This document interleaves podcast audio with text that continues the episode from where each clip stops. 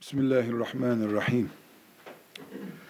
Elhamdülillah ve salatu ve selamu ala Resulillah. Ümmetimizin önder isimlerinden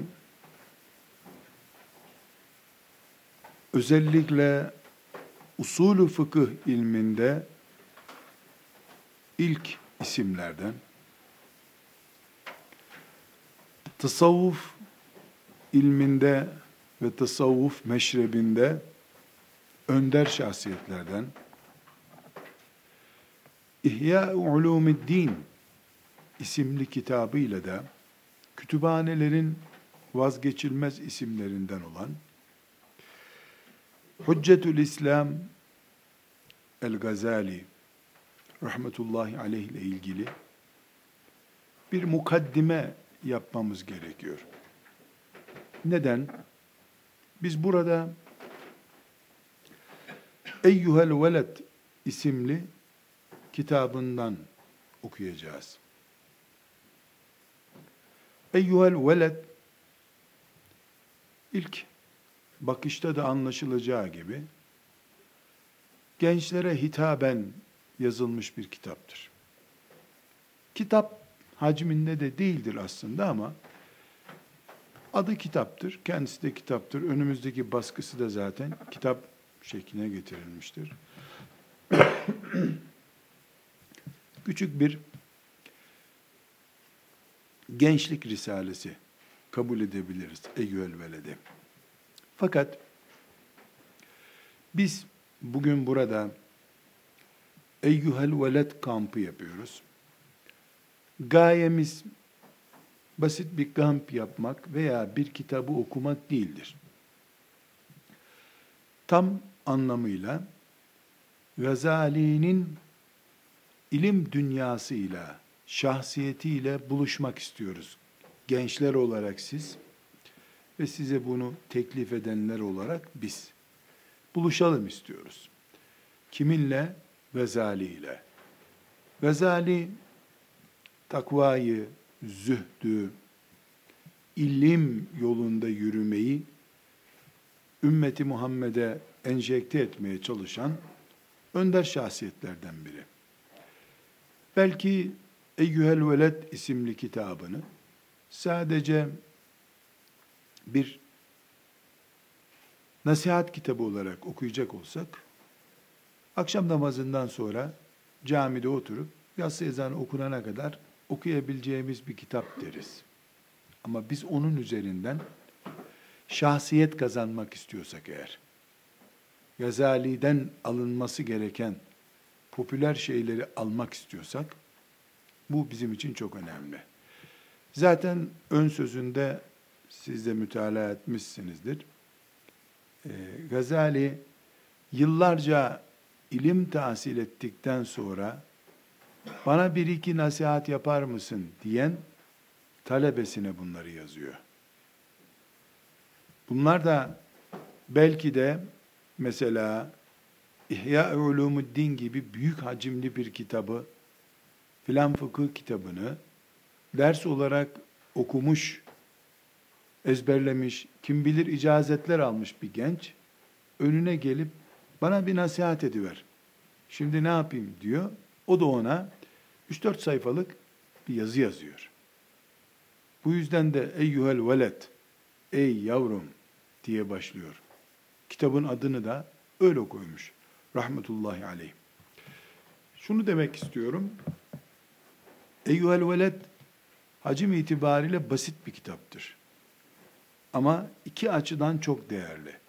Birincisi bundan tam 900 sene önce ümmeti Muhammed'in bir gencinin ve bir aliminin seviyesini gösteren bir işarettir. Büyük bir alime, mütefekkire, Gazali gibi bir insana göre gencin beyin yapısının nasıl olması gerektiğini söylüyor. Bu açıdan bu kitap çok önemli. İkinci önemli nokta da Gazali Abbasi devletinin çöktüğü, Selçuklu devletinin de işte çok uzun bir tarihi dönem ol, yaşamadan e, çökmeye yüz tuttuğu dönemin e, Melik döneminin adamıdır. Yani Gazali ne ilk Selefi neslin ne de sonraki neslin adamı değildir. Gazali orta dönem adamıdır. Yani mesela İmam-ı Azamlar ve benzeri dönemin adamı değildir. Daha sonraki e, İslam'ın hilafet sisteminin bile bulunmadığı zamanların adamı da değildir. E, ondan ve bundan emarelerin bulunduğu bir zamanın adamıdır. E, bir eğitimcidir aynı zamanda. E, bilhassa e, tasavvufi konularda ileri derecede kabul görmüş görüşleri vardır. Aynı zamanda usulü fıkıh ilminde tutulur bir isimdir.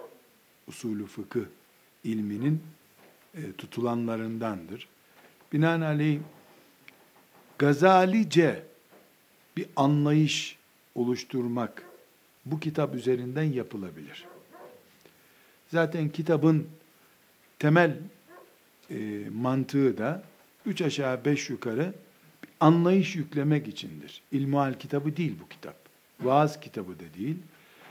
E, ortalama bir düzeyde bir Müslümanın beyin yapısının nasıl olması gerektiğini, hayata ve ölüme nasıl bakması gerektiğini aşılıyor. Gazali'den konuşmamız gerekir. Ancak sevgili gençler, Gazali'yi konuşmadan önce veya herhangi bir insanı konuşmadan önce biz bazı hakikatları imanımız gereği tekit etmemiz, yeniden vurgulamamız lazım. Bir, biz iman ediyoruz ki, iman ediyoruz ki diyorum. Uygun görüyoruz filan demiyorum. İman ediyoruz. Resulullah sallallahu aleyhi ve sellem Efendimiz'den başka masum hiçbir insan yoktur. Olamaz da. Masum ne demek? Hatası yok. Her yaptığı doğru demek. Mümkün değil. İnsan hataya mahkumdur. Edebilir. Peygamberlerden sonra insanlığın en büyüğü Ebu Bekir radıyallahu anh'tır. İman olarak, Müslümanlık olarak, insanlık olarak. Ebu Bekir'e denk kimse yoktur. Buna rağmen Ebu Bekir de hata edebilir diye inanıyoruz. Etti etmedi ayrı bir konu. Ama edebilirdi, yine de Ebu Bekirliğine bir zarar gelmezdi. Çünkü Allah, peygamberleri dışındaki insanları hatasız olacaksınız. Yoksa atarım kapımdan demiyor. Hatalarıyla beraber kabul ediyor. İnsan olduğumuz için, hataya müsait yarattığı için Allah böyle bir kanun koymuştur. Bu kural Gazali içinde geçerlidir. İki, Gazalimiz ve bütün alimlerimiz, ümmetimizin önünde duran büyük şahsiyetlerimiz, ilim adamı olarak karşımızda durdukları sürece, biz onlara her türlü saygı ve hürmeti gösteririz. Bu saygımız da onların ilimlerinedir. Kara kaşlarına hayran olduğumuzdan değildir. Yani onların fiziksel özelliklerine, ırklarına ve benzeri farklılıklarına biz yatırım yapmıyoruz. Bulundukları konum Resulullah sallallahu aleyhi ve sellem Efendimiz'i temsil konumudur. İlim Allah'ın onlardaki emanetidir. Biz o emanete saygı gösteririz. Dolayısıyla da alimlere saygımız ilimlerine kadardır. İlmin dışında alimin bizden göreceği saygı her insanın insana göstereceği saygıdır. Hiçbir zaman bir insandan put olmayacağı gibi alimden de put olmaz. Hiçbir zaman bir insan hayvanlaştırılamayacağı gibi bir alim de hayvan muamelesine tabi tutulamaz. Fikirleri beğenilir, beğenilmez, iyi bulunur, zayıf bulunur, kaliteli bulunur, ikinci sınıf bulunur. Bunlar ayrı meseleler. Ama alimlerin iki uca taşınmasını ümmet olarak biz kabul edemeyiz. Birinci uç onlara putluk seviyesi getirmektir. Bunu yapmayız, kabul etmeyiz. İkinci uç fikirlerini beğenmesek de, yanlış bulsak da sıradan, sokaktan bir insan düzeyine düşürmeyiz alimleri. Bunun bu görüşünü ayete, hadise ters düştüğü için kabul etmeyiz deriz. Ama küfür etmeyiz, hakaret etmeyiz. Öyle yaparsak biz ilme değil şahsa tapınmış oluruz. Bizim ise öne çıkardığımız ilimdir. Alimin ağzından ve kaleminden çıktığı için de o ilim alime hürmet etmişizdir. Mesele bundan ibarettir. Gazalimizin rahmetullahi aleyh Eyyuhel, Eyyuhel Veled isimli kitabını okurken elbette biz Eyyuhel Veled'de çok farklı şeyler bulacağız. Hele sizler bu tür alimlerin uslubuna yeni alışan insanlar olarak farklı şeyler göreceksiniz. Hiçbir zaman tamam işte Kur'an gibi, ayet gibi diye abartmayacağız. Bu haram olur. Bu görüşünü beğenmedim diye de herhangi bir şekilde kitabın üstünü karalamayacağız. Biz arı gibi olmak zorundayız. Bal bulduğumuz çiçeğin balını alır, bal bulmadığımızı da bırakar başka çiçeğe gideriz. Biz haşere değiliz. Bitkileri kökünden koparmayız. Biz bal arısıyız. Bal yapmak istiyoruz. Alimlerden istifade edebiliyorsak istifade ederiz. İstifade edemiyorsak benim nasibim bunda yokmuş der, gideriz. Şu elimizdeki Eyyuhel Veled kitabı ve müellif İmam Gazali Allahu Teala'nın ilim için önümüze koyduğu bir fırsattır. Ne bu kitap Kur'an'dır ne de İmam Gazali peygamberdir. İkisi de değil. Bu insanoğullarından birisinin yazdığı bir kitaptır. Allah'tan peygamberden alıntı yaparak yazmıştır. Gazali de meleğin kendisine geldiği masum bir peygamber değil, bir Allah dostu, alim bir insandır. Ortada gitmek gerekir. Aşırı gidenler ya putlaştırırlar ya düşmanlaştırırlar. Putlaştırmak da, düşmanlaştırmak da bu ümmetin işi değildir. Biz şeytanı ve kafirleri düşman edindik. Müminlerden düşman edinmeyiz. Peşinden de gitmeyiz. Düşman da edinmeyiz. Mutedil ümmet olmamız bunu gerektiriyor. Üçüncü bir husus çok önemli. Dedik ki bir kitap okurken, bir alimden istifade ederken bunu gençler inşallah yeni ilim yolcularısınız. Not tutun demiyorum size. Çünkü not defterinizi bıraktığınız yerde bu vereceğim bilgi size yaramayacak. Bunu beyninize bir şeyle yazın, lazerle mazerle yazın.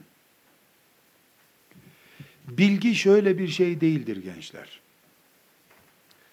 Benim gözlerim yaşımdan dolayı, Allah'ın verdiği bir hastalıktan dolayı görmüyor. Mesela bu kitabın sadece şu bölümünde ne yazdığını görebiliyorum. Beş sene önce böyle değildi ama. Karıncanın ayaklarını da izliyordum. Şimdi değil. Doktora gittim. Dedi ki 40 yaşında gözlük almalıydın sen dedi. Gittim. Bana bir reçete yazdı. O reçeteyi götürdüm eczaneye. Koydum. Gençler birden dünyanın stili değişti. Hem mutlu oldum. Meğer gözlükçü denemek için onu gözüme takmış. Dedim tamam bunu beğendim. Ben yaptıracağım sana gözlükte. Ya tamam bu oldu bana dedim. Ya bu deneme gözlüğü dedi. Olsun olsun sen başka yap deneme bu. Onu alıp eve gitmek istedim. Çünkü ciddi bir şekilde gözüm görmüyordu. Bir iki sene kadar geç gitmişim gözlükçüye.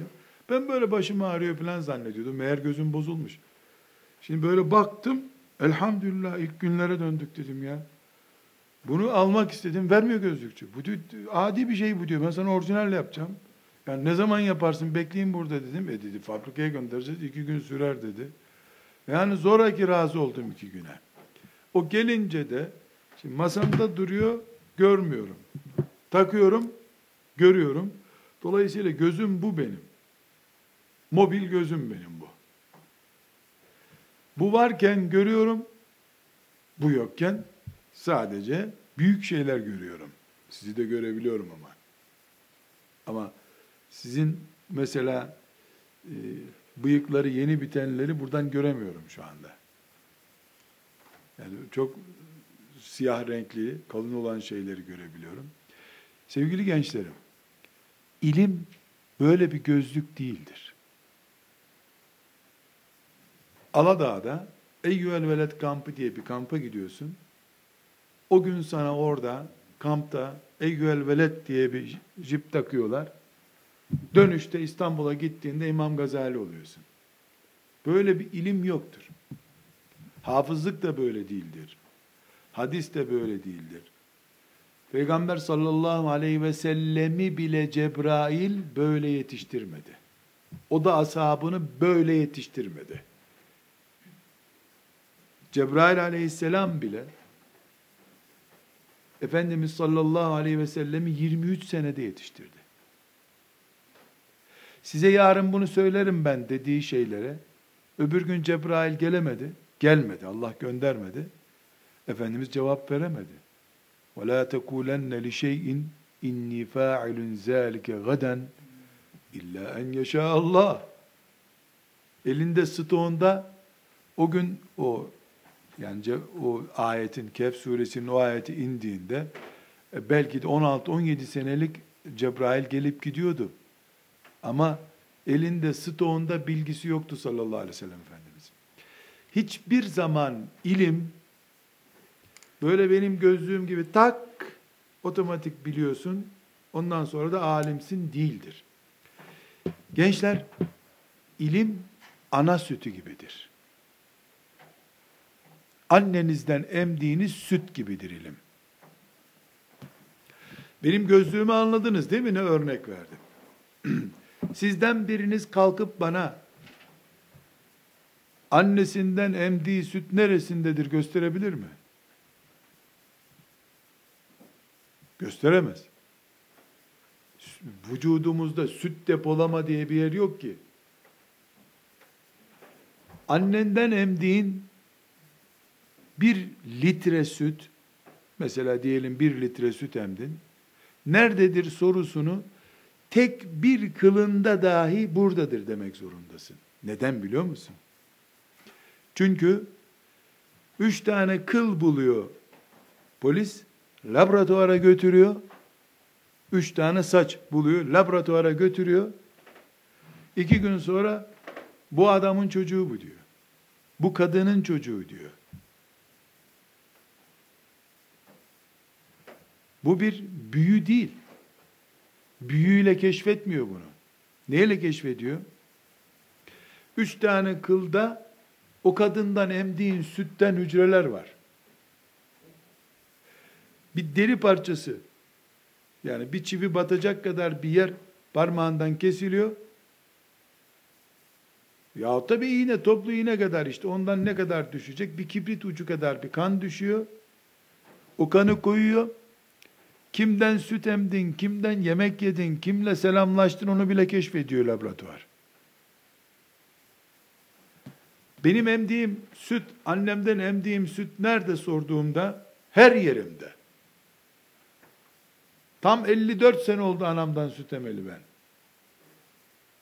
54 sene önce emdiğim süt bende hala.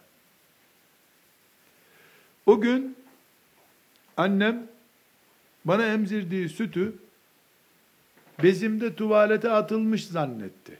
Tortusunu attı vücudum. O sütün özü bendedir. O sütü ben almasaydım zaten ölmüş olur, yaşamazdım bu dünyada.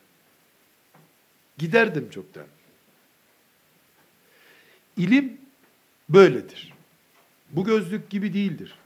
Anne sütü gibidir. Siz burada kamptasınız. Gazali'mizin rahmetullahi aleyh eyyuhel veledini tahlil edeceğiz. Bu Gazali'nin eyyuhel veledini biz iki günde ne tahlil edeceğiz ki burada zannederiz. Öyle değil.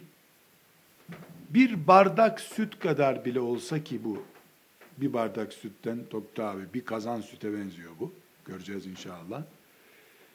Bu sizin beyninizde 20 sene sonra, 30 sene sonra tıpkı kıllarınızdan bir tanesinde annenizin hücreleri bulunduğu gibi, babanızdan e, sperm yoluyla intikal etmiş hücreler kıllarınızda bulunduğu gibi, kıllarınızda bile bulunduğu gibi, bugün burada duyduğunuz Gazali'ye ait tespitler, esniyor olsanız bile dinlerken,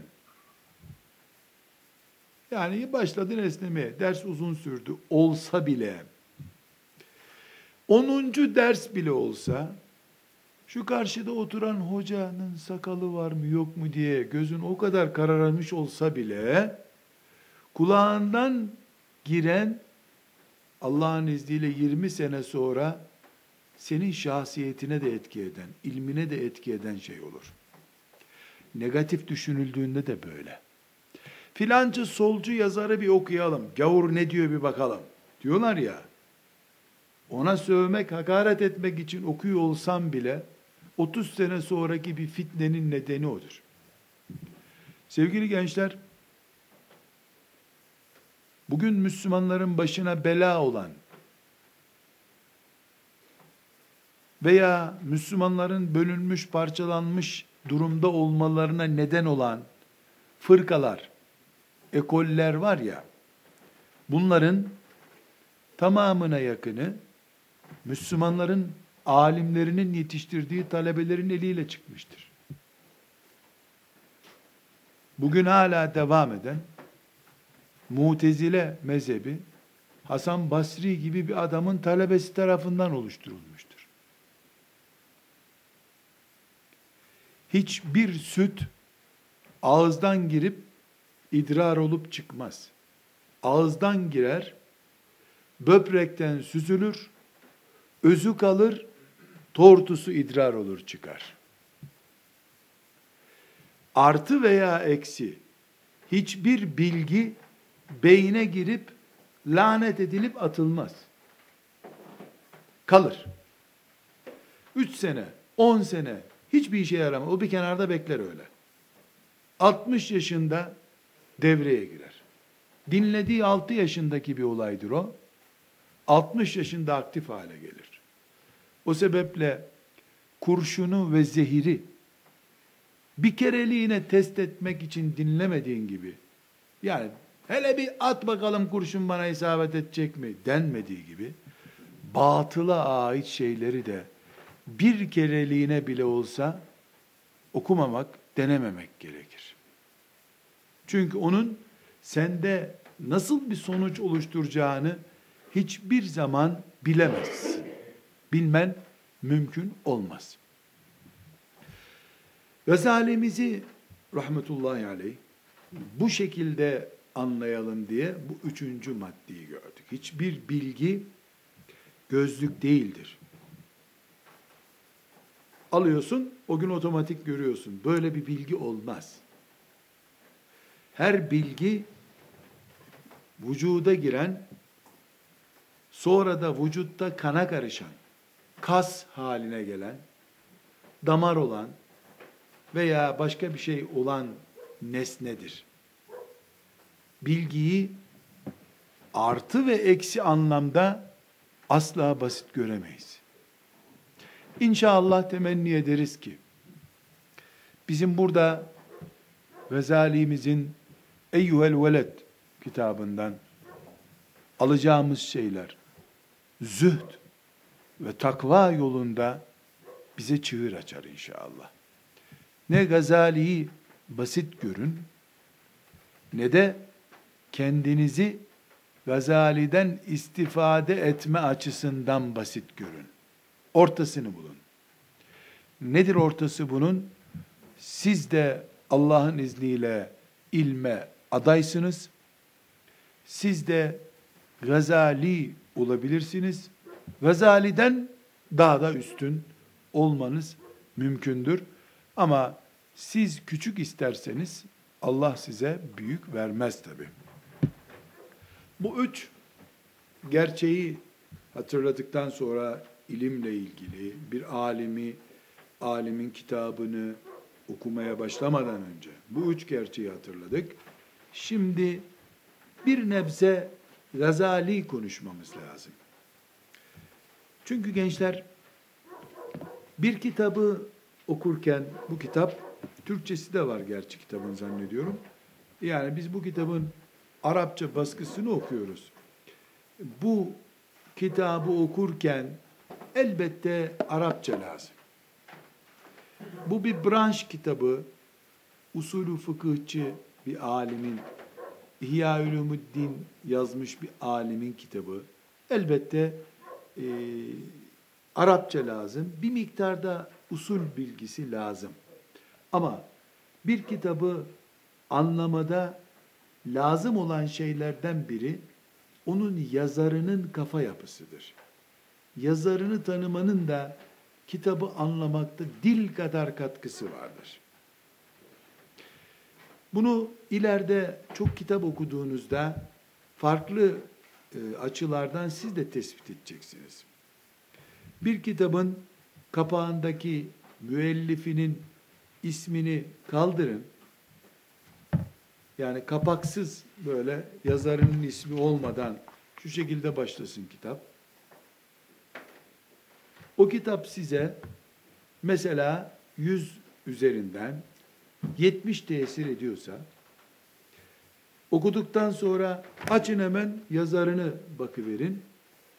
Ya 40'a ya 90'a çıkarır onu o yazar. Aa bu filan yazarın mıymış deyip o sizin aldığınız bilgiyi aşağı doğru indirir. Vay be bu bizim meşhur filanca yazarmış dersen yukarı doğru çıkarır.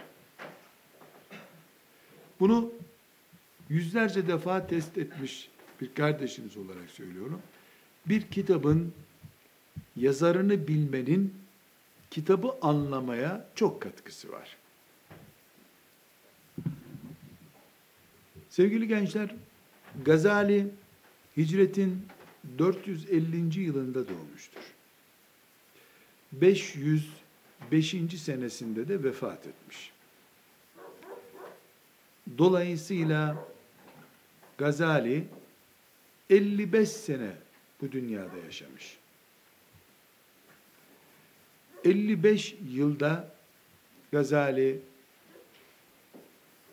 bir küçük kütüphaneyi dolduracak kadar eser bırakıp gitmiş.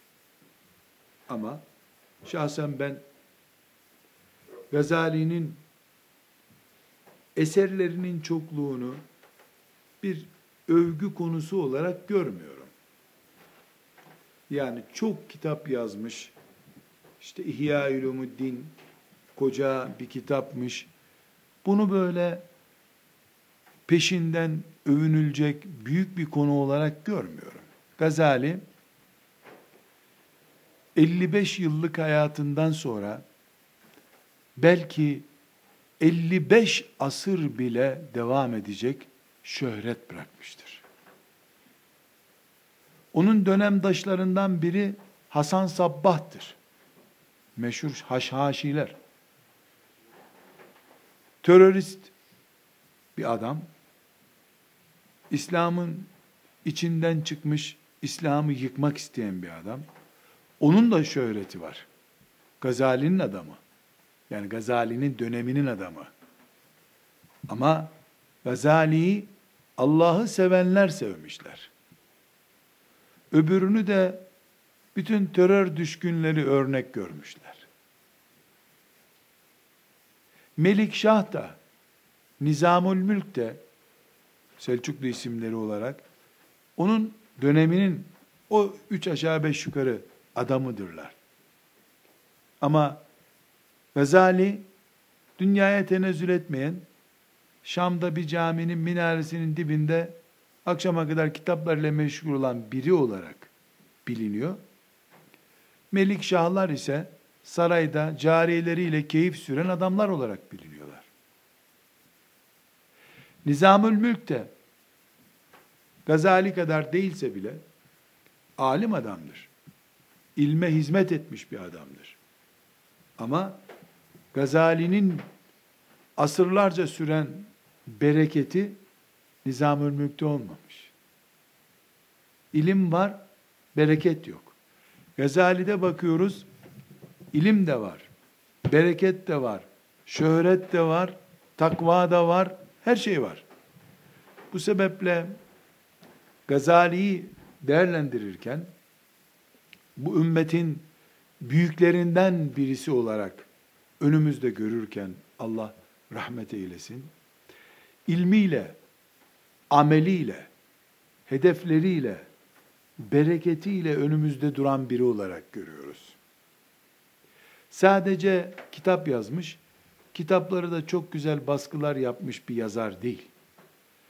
Güzel izler bırakıp gitmiş bir yazar olarak görüyoruz. Özellikle Gazali, usulü fıkıh dalında ve İhya Ulumuddin adlı eseriyle meşhurdur. Eyyühel veled sanki İhya Ulumuddin'in ön sözü gibidir arkadaşlar. Böyle çok e, geniş konular yok. Göreceğiz. Belli satır başlarını ayrıntılarıyla ele alacağız. E, bu kitabında daha önce sözümün başında zikrettiğim gibi çok okumadan çok düşünmeyi sevk edecek cümleler kurmuş. Çok oku, işte kitabın altını çiz filan değil, kaliteli oku, iyi düşün mantığıyla cevap vermiş.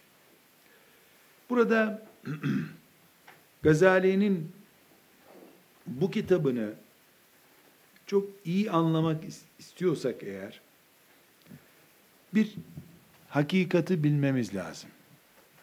Gazali'nin dönemi sevgili arkadaşlar İslam'ın iç saldırılarla iç düşmanlarının saldırılarıyla tehlike yaşadığı bir dönemdir iç fitneler dönemidir. Bilhassa batınilik dediğimiz e, yani İslam'ı zahir ve batın diye ikiye ayıran bir anlayış oluşmuş. En basit anlayacağınız düzeyde bir örnek vereyim. Şu şekilde düşünüyorlar. namaz mı diyorsun? Evet. Nedir namaz? Abdest alıyorsun, kıbleye dönüyorsun, e, Fatiha ile bir namaz kılıyorsun, rükû yapıyorsun, secde yap. Bunlar zahirdir diyor. Batını nedir peki bunun? Yani iç, namazın iç alemi. Ha, batını şudur diyor. Kendini Allah'ın önünde hissedeceksin. Hissettin mi? Ettim. Tamam namaz kıldın sayılır. Böyle bir serserilik. Bildiğiniz serserilik. Buna batıniye diye bir mezhep çıkardı. Hırsız, eşkıya, katil, zinacı adam çok iyi insan. Niye çok iyi insan? Batını çok iyi. Çok iyi namaz kılıyor. Hiç camide görmedik. O camide kılmaz. Nerede kılar? İşte e, rakısını eline almadan önce bir tefekkür eder. O tefekkürü namaz onun. Sapıklık size komik geliyor ama kitle kitle insanlar bu mezhebe dadandılar. Kitaplar yazdılar bunlar. Ve İslam toprağında ciddi ciddi bu adamlar e, şöhret oldular. Devlete sızdılar. Resmi hilafet merkezine sızmaya çalıştılar. Bahsettiğimiz Haşhaşi hareketi bu ekolün ürünüdür. Ee, Gazali bu batınilik dediğim hareketin başını çektiği e, pek çok sapık grubun bulunduğu bir zamanın alemidir. Bu dönemde Gazali felsefeyle başlamış olan bu sapıklık döneminde çok ciddi bir cihat yaparak batıniliğe ve batınilikle beraber ümmeti Muhammed'in içinde e, yayılmaya başlayan hastalıklara karşı mücadele etmiştir. Yani koca İslam devleti, hilafeti, Bağdat, e, Mısır, Şam e, bu hareketlerle uğraşıyor ama Gazali tek başına bir ordu gibi uğraştı ve Allah'ın da yardımıyla Gazali'nin elinde batınilik ve diğer felsefe hareketleri çöktü. Yani Gazali'nin çalışmalarıyla bu hareketler çöktü. Bu sebeple Gazali haklı, hak edilmiş bir şöhret buldu. Çok ciddi bir şekilde ümmeti Muhammed Gazali'ye hayır dualar yaptılar. Çünkü e, düşünebiliyor musunuz? Mesela bir insan Kabe'ye karşı ne kadar saygılı olması lazım Müslümanın. E, bu adamlar çıkıyorlar, e, senin hanımın Kabe'ndir diyor. Oğlun Kabe'ndir diyor. Abuk subuk, böyle kafirin ağzından çıkmayacak şeyler, güya Müslüman, yani Müslümanların içine sızmış, casus kılıklı insanların ağzından çıkıyor. Gazali böyle bir dönemde çok ciddi bir mücadele yaparak yazılarıyla, konuşmalarıyla, talep oluşturduğu talebeleriyle bu hareketi çökertti. Böylece ümmeti Muhammed o dönemde yani bundan 900 950 sene önceki dönemde e, o beladan, fitneden kurtuldu. Bugün biz elbette ve elbette Allah'ın lütfu ve keremi ile Müslümanız. Ama o dönemde Gazali'nin himayesi olmasaydı, Allah Gazali'yi bir sebep olarak yaratmasaydı, bugün biz sapuk supuk bir İslam'ın Müslümanları olabilirdik. Kur'an'ımızdan bir parça bulunmayabilirdi. Ama baştaki sözü tekrar ediyorum. Allah bizi mümin olarak saf, temiz bir Kur'an'la baş başa bıraktı. Fakat sebep olarak kimleri yarattı diye araştırdığımızda Gazali önümüze çıkıyor. Rahmetullahi aleyh. Bu Gazalimizle ilgili bir tespit daha yapmış olalım. Bazı alimlerin ünvanları isimlerinden meşhurdur. Yani Gazali diyorsun. Gazali ismi değil onun. İbni Teymiye diyorsun. İbni Teymiye değil ismi. Teymiye'nin oğlu mesela. İbni Teymiye diye bir isim yok. Sadece bir İmam Malik mesela Malik'in ismi anılıyor. Bazı alimlerin, siyasilerin isimleri kendilerinden daha meşhurdur.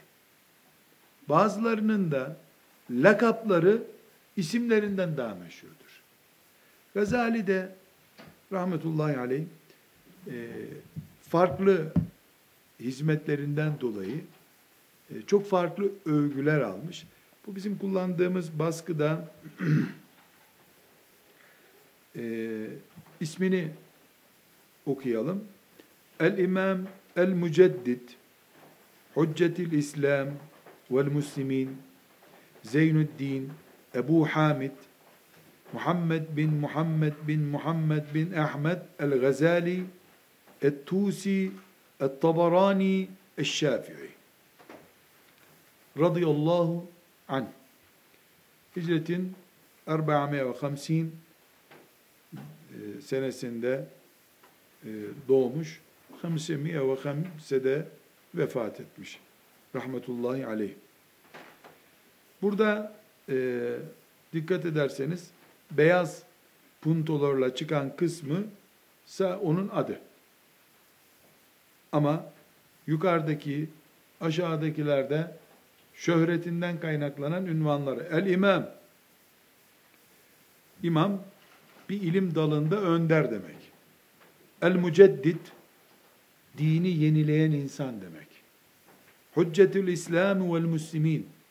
Müslümanların ve İslam'ın hücceti. Bu da Gazali'ye kullanılmış bir ünvan. Yani onun sayesinde İslam övgü kazanmış demek. Müslümanlar onu belge olarak kullanmışlar demek. Noter gibi adam demek Türkçesi yani. Zeynüddin ve dinin süsü, dinin parlayan yıldızı Ebu Hamid, Hamid'in babası, künyesi, Muhammed bin Muhammed bin Muhammed bin Ahmet el-Gazali. Yani asıl adı Muhammed, babasının adı Muhammed, onun baba, dedesinin adı Muhammed, dedesinin babasının adı Ahmet. Gazali de e, aile lakapları, soyad gibi. Tusi, Tabarani, Eşşafi'i. Tus ve Tabaran yöre isimleri. Yani yaşadığı yerlerdeki vasıfları bunlar. Eşşafii de mezhep olarak İmam Şafii'nin fıkhından yetişmiş birisidir. İmam Şafii rahmetullahi aleyh. Biz e, sevgili gençler inşallah e, Darul Minhaç baskısından okuyacağız.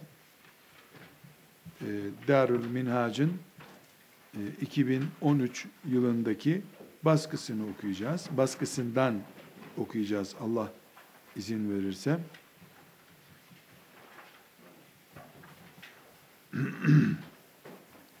evet.